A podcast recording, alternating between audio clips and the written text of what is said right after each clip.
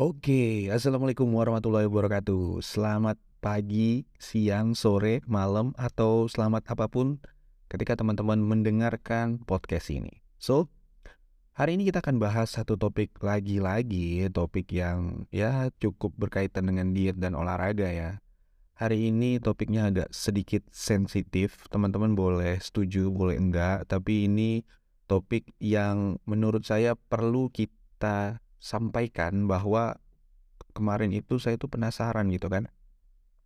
Kenapa sih banyak orang yang kalau lagi diet terus gagal gitu. Padahal kan dietnya itu maksudnya gini. Dia tuh pengen turun berat badan. Terus dia sudah pilih metodenya, dia pilih strateginya, dia melakukannya, dia dapat hasilnya, tapi cenderung berpotensi untuk naik berat badan kembali. Nah, saya penasaran saya cari tuh apa ya penyebabnya ya. Sampai akhirnya saya bertemu beberapa penelitian teman-teman.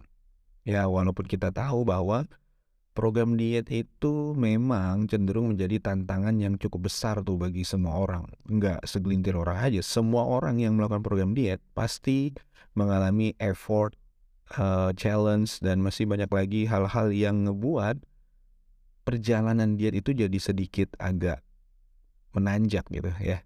Nah, kita juga bahkan sering kali mendengar bahwa banyak dari teman-teman kita yang sering atau pernah mengalami kegagalan dalam program diet yang mereka jalani.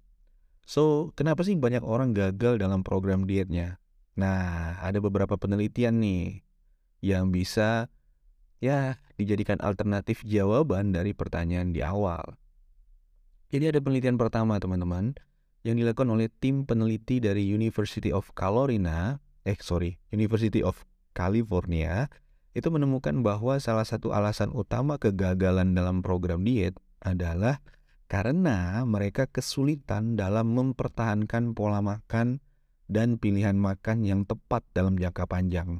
Nah, ini ada point of view yang bagus banget yang perlu kita garis bawahi bahwa ternyata program diet itu bukan hanya sekedar turun berat badan teman-teman, tapi bagaimana kita bisa mempertahankan kebiasaan yang sudah terbentuk, baik dalam hal mengatur pola makan ataupun memilah dan memilih makanan yang kita makan.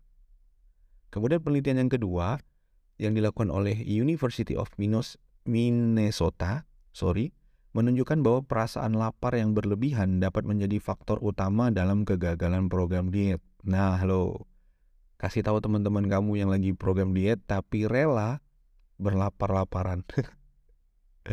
Hal ini disebabkan oleh penurunan kadar hormon leptin yang dapat mengurangi perasaan kenyang dan cenderung meningkatkan rasa lapar. Pastilah, namanya juga makannya dikit, hanya buat turun berat badan.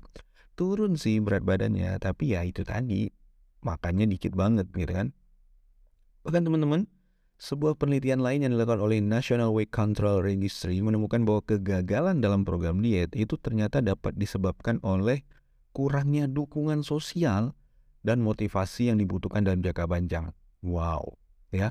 Lagi-lagi, ternyata bukan hanya faktor internal, teman-teman. Faktor eksternal juga berpengaruh.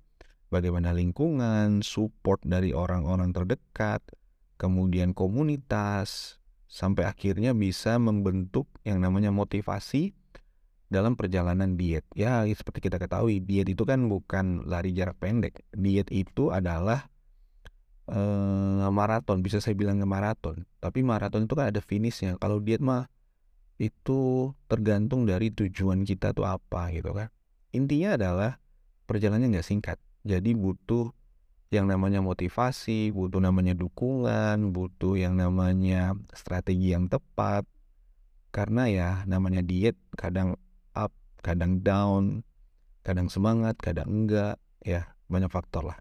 Dan terakhir teman-teman, sebuah penelitian yang dilakukan oleh University of Pennsylvania menunjukkan bahwa kegagalan dalam program diet dapat disebabkan oleh perasaan putus asa.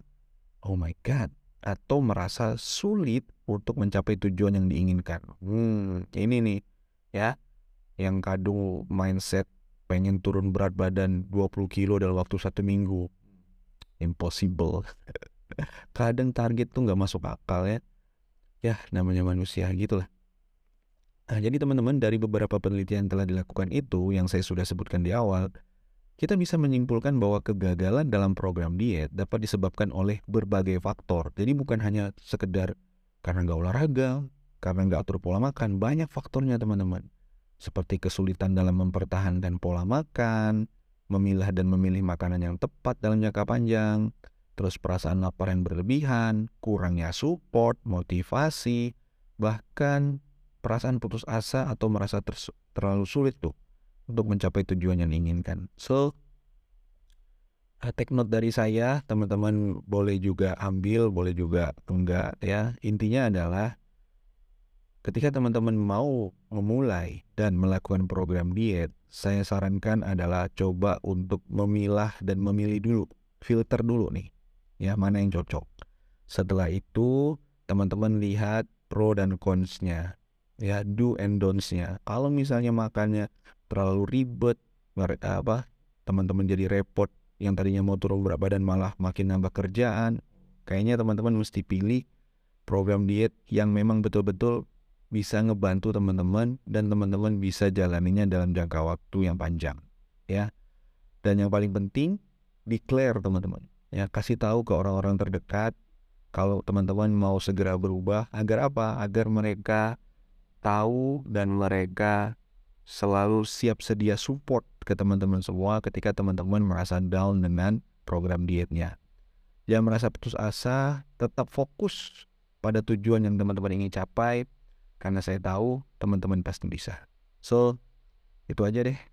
Kita akan ketemu lagi di next topik berikutnya. Kalau teman-teman mau ada topik lain yang mau kita bahas, silahkan ketik aja di kolom uh, polling atau kolom komen. Nanti saya akan aktifkan akan ketemu lagi di next topik berikutnya. Kurang lebihnya saya mohon maaf. Wabillahi taufiq Wassalamualaikum warahmatullahi wabarakatuh. Have a nice day, guys.